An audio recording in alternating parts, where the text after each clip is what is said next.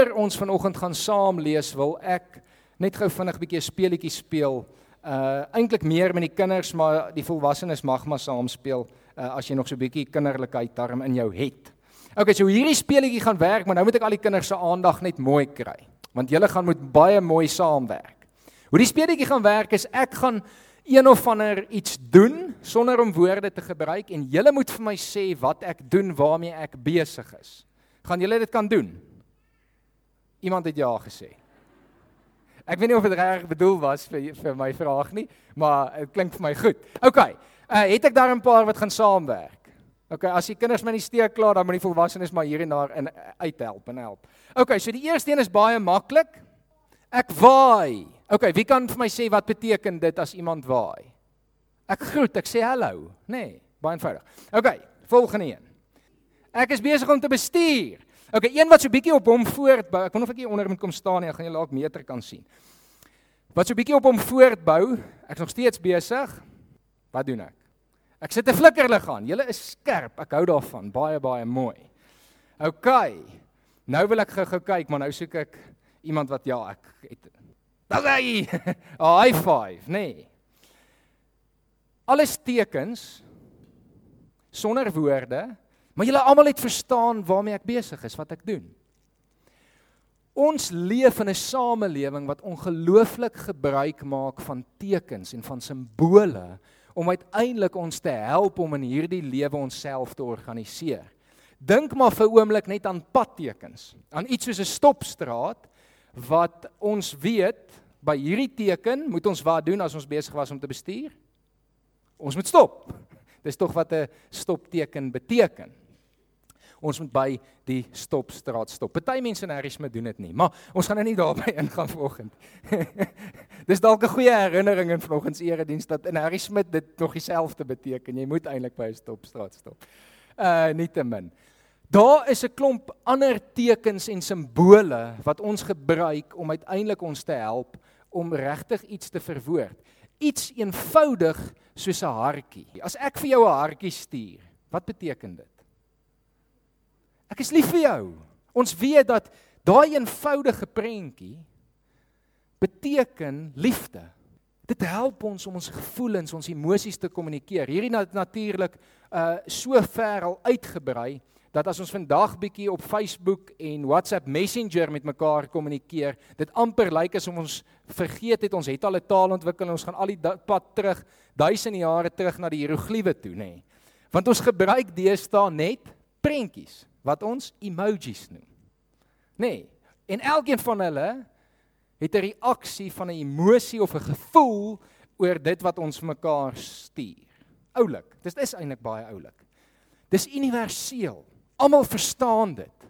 Maak nie saak of jy Afrikaans, Engels, Frans, wat ook al is nie. Een van hierdie tekentjies en onmiddellik weet almal wat dit beteken. Dit gaan so ver dat maatskappye bereid is om miljoene rande te gebruik en te spandeer om 'n simbool te ontwikkel wat almal sal erken. Daar sien julle sommer klomp. En julle weet, elkeen van daai prentjies, jy sien net die prentjie en jy weet wat is die maatskappy, jy weet wat hulle doen, waarvoor hulle staan, wat dit beteken. Deur een eenvoudige simbool. Ek lees in die week dat McDonald's se teken op hierdie stadium Coke verbygegaan het as die teken wat die meeste mense herken. Die skokkende deel is dat dit meer herkenbaar is as die kruis. Skokkend, nê? Nee? Maar een eenvoudige simbool en onmiddellik weet ons wat daarmee gepaard gaan, waarvoor dit staan en so voorts. Dit gaan selfs nog verder want op die ou ende is simbole nie net maniere om georganiseer te wees en om vir ons te wys hoe ons in hierdie wêreld onsself moet orde nie. Daar's baie dikwels emosies aangekoppel. En om dit net te illustreer, kan mens maar net 'n paar vlae op die skerm sit. En elkeen van daai vlae simboliseer nie net 'n paar kleure op 'n stukkie papier nie. Elkeen van daai kleure, elkeen van daai vlae simboliseer baie meer. En dit bring emosies by jou op, party goed, party sleg. Dis 'n eenvoudige simbool, paar kleure op 'n papier maar dit sê soveel meer. as net die prentjie. Simbole maak 'n ongelooflike deel uit van ons lewe. Simbole help ons om iets van wie ons is, waarvoor ons staan, wat ons glo, uit te beeld in hierdie wêreld. Waarskynlik is daar nie 'n beter plek om dit raak te sien as in sport nie. Want ek kan maar net vir julle daai een wys en ons almal weet wat daarmee gepaard gaan. Dit's waarvoor ons staan, dis wie ons is. Ons het die beker gewen en so voort. Dis net 'n een eenvoudige prentjie, maar dit sê so baie. Vanoggend gaan ons 'n oomblik stil staan by Christelike simbole.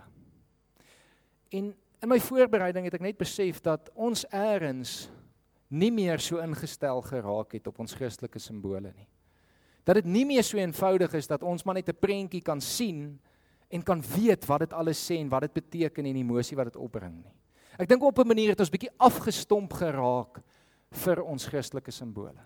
En vanoggend het ons die voorreg om in vanoggend se diens twee simbole regtig na te gaan kyk, maar ook dit te kan gebruik en te kan beleef. Voor ons daarby gaan kom, wil ek graag vanoggend se gedeelte vir ons lees. Want hierdie gedeelte uit Efesiërs raak op die ou en na albei aan. Kom ons lees dit eerlik saam. Efesiërs 1 vanaf vers 3. Aan God die Vader van ons Here Jesus Christus kom al die lof toe. Hy het ons in Christus geseën met al die seëninge van die Gees wat daar in die hemel is. So het hy nog voordat die wêreld geskep is, ons in Christus uitverkies om heilig en onberispelik voor hom te wees. In sy liefde het hy ons volgens sy genadige beskikking toe ook al daarvoor bestem om deur Jesus Christus sy kinders te wees. Daarom moet ons God prys vir sy wonderlike genade wat hy in die geliefde vrylik aan ons geskenk het. Deur die bloed van sy seun is ons verlos en is ons oortredinge vergewe kragtens die ryke genade van God wat hy in al sy wysheid en insig so oorvloedig aan ons geskenk het. Hy het kragtens sy besluit en voorneme die geheimenis van sy wil aan ons bekend gemaak en dit deur Christus tot uitvoering gebring op die tyd wat hy daarvoor bepaal het. Sy bedoeling was om alles wat in die hemel en alles wat op die aarde is onder een hoof te verenig, naamlik onder Christus. Deur Christus het ons deel geword van die volk van God, soos hy dit vooruit al bestem het. So het hy hom dit voorgenem Hy wat alles laat gebeur volgens sy raadsbesluit. Daarom moet ons die eerstes wat ons hoop op Christus gestel het, die grootheid van God prys. Deur Christus het ook julle deel geword van die volk van God, toe julle die waarheid wat aan julle verkondig is, die evangelie van julle verlossing gehoor en tot geloof gekom het. In Christus het die Heilige Gees wat deur God beloof is, julle as die eiendom van God beseël.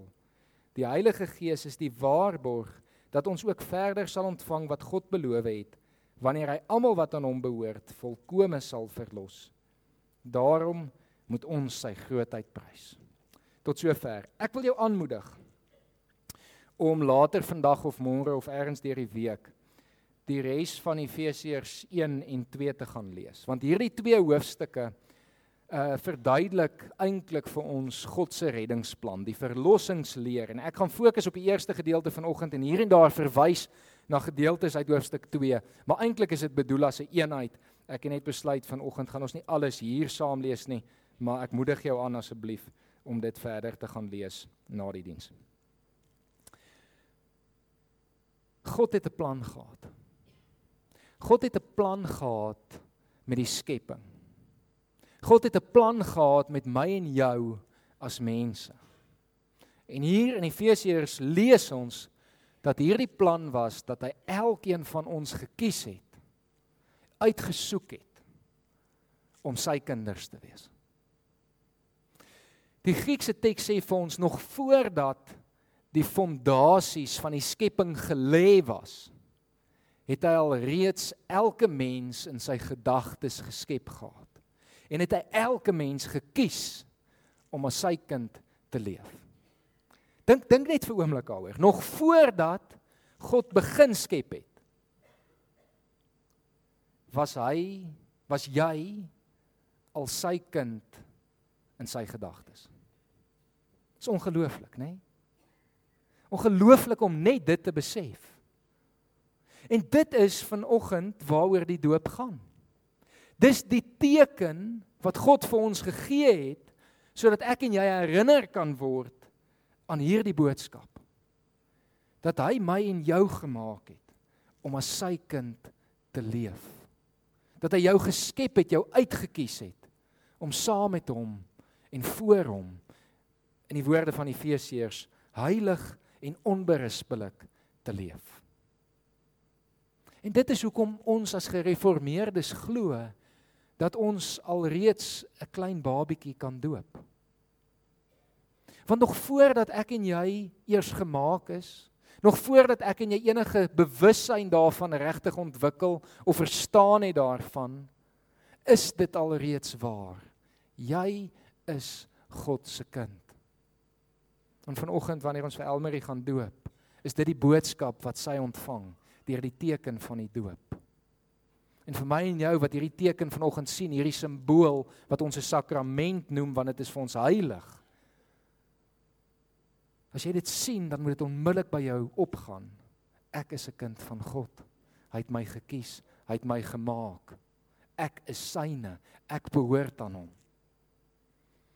Maar ongelukkig en dit weet julle almal baie goed, het God se plan nie heeltemal uitgewerk soos hy oorspronklik bedoel het nie. Want eers lees ons hier in Genesis het daar iets verkeerd geloop.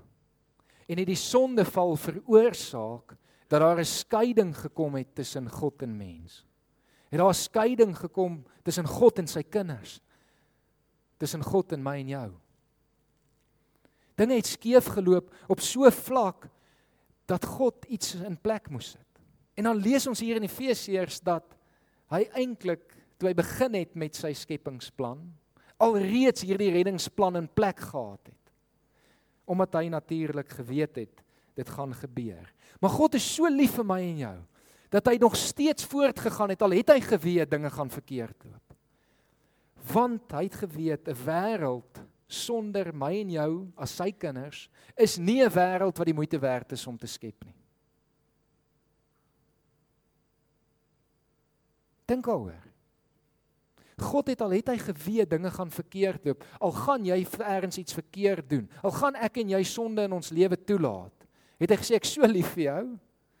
Nog voor dit gebeur, gaan ek nog steeds kies om jou te maak en gaan ek al reeds 'n plan in plek hê om dit reg te stel. En sy plan, dit ken ons eintlik baie goed, maar vanoggend moet ek jou daaraan herinner. Sy plan was om my en jou te verlos van die sonde om my en jou vry te maak van dit wat ons vasgevang het en weggevat het van ons kunskap van God. En dit wat hy in plek gestel het is Jesus Christus.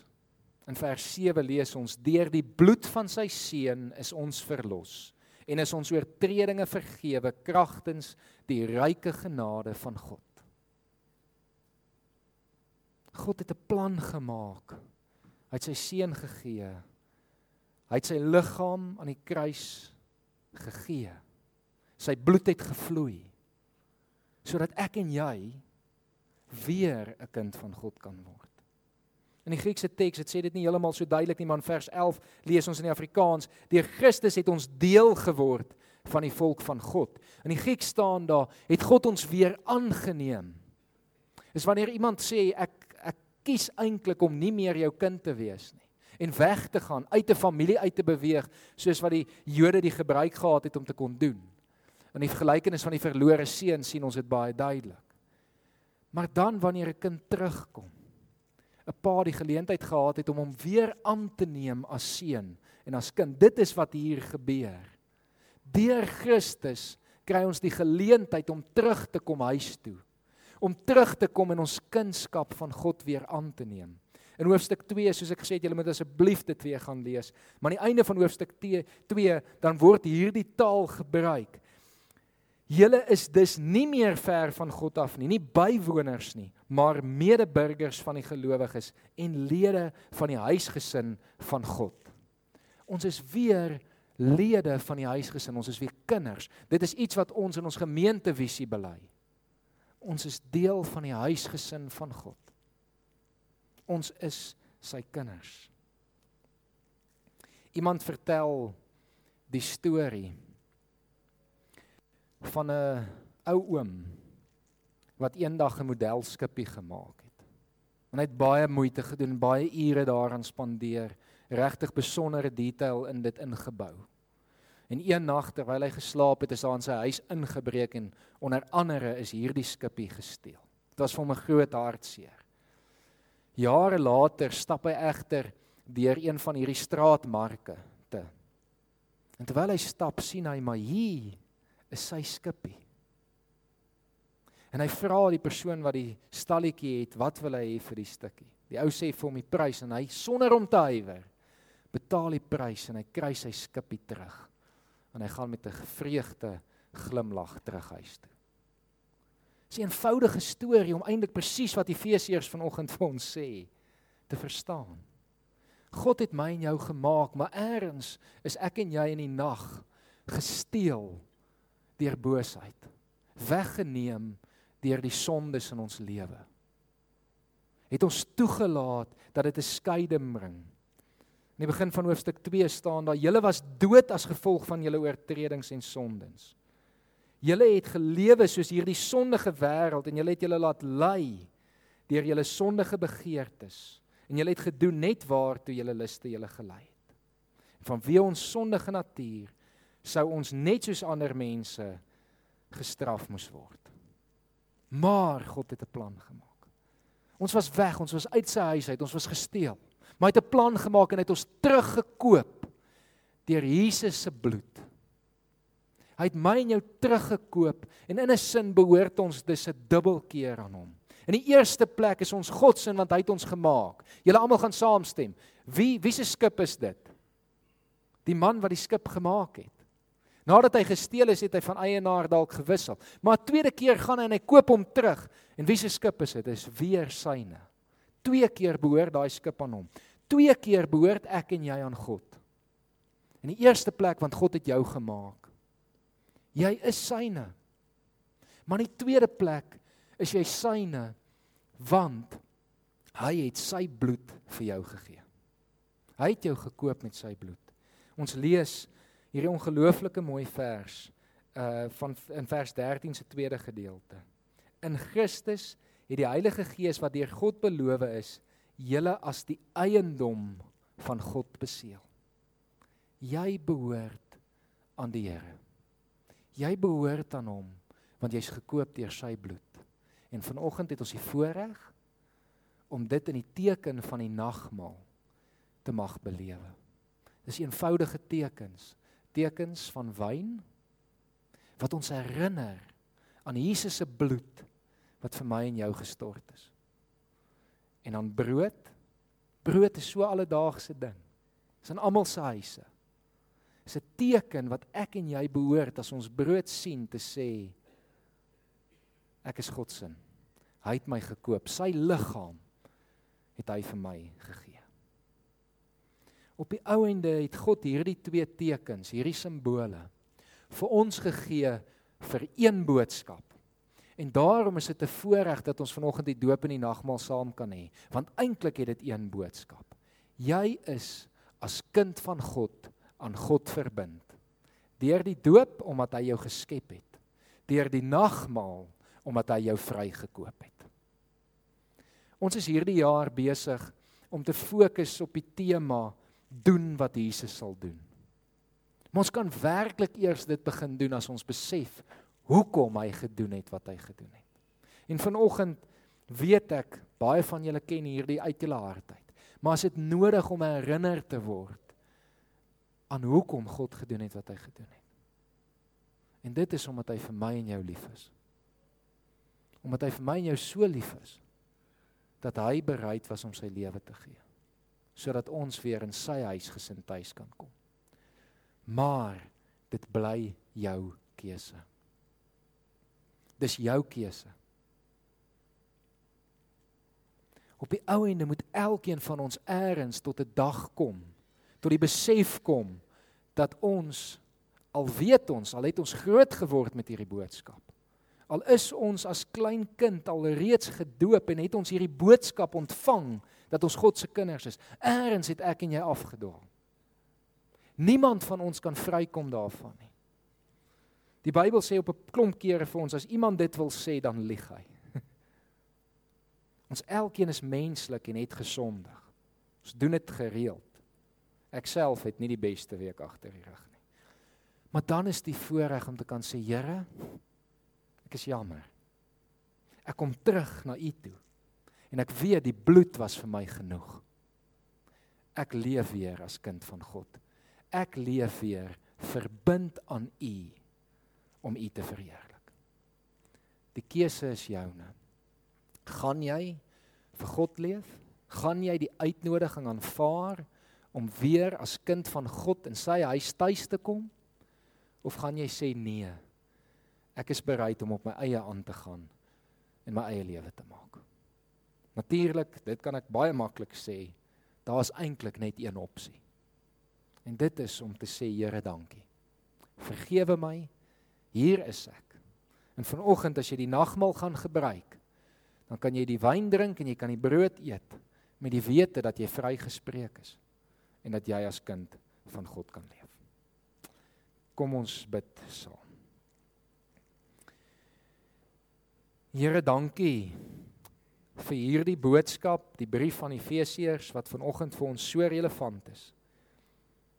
Om weer net te besef wat u reddingsplan was. Here om weer net te besef hoekom ons ons geskep, om weer te besef wat het gemaak dat U bereid was om mens te word. En Here, hoekom U bereid was om uiteindelik deur U bloed vir ons te betaal. Here, dankie dat ons vanoggend hier wel kan sit en hierdie boodskap kan aanneem. Hierdie goeie nuus kan glo en kan weet dat ons tuis gekom het. Here, dankie dat ons vanoggend die twee tekens, die simbole wat U vir ons gegee het, ook kan gebruik as herinnering hiervan om te weet ons is verbind aan U. Ons is U kinders en ons is uitgekoop. Uitgekies nog voordat U eers begin skep het. Here, dit is 'n gedagte wat eintlik ons oorweldig soos wat Dawid gesê het. Maar Here, al is dit oorweldigend, is dit vir ons goed. En ons kan nie anders nie as om U te loof daarvoor en te kan bly wees en te kan feesvier. Here, ek wil welkom bid vir elkeen vanoggend hier. En ek wil kom vra dat U deur U Gees hierdie boodskap in hulle harte sal bevestig. Here, die wat dit nog nie aangeneem het nie, dat U in hulle sal werk. Here, dat hulle net vanoggend weer sal besef wie U is en wat U gedoen het. Dat hulle tot bekering sal kom en hulle lewe sal oorgee, teruggee aan U. Want Here, dis die enigste plek waar ons kan leef. Dis die enigste manier ons ewige lewe kan verkry. Ons bely dit, ons erken dit. In Jesus se naam. Amen.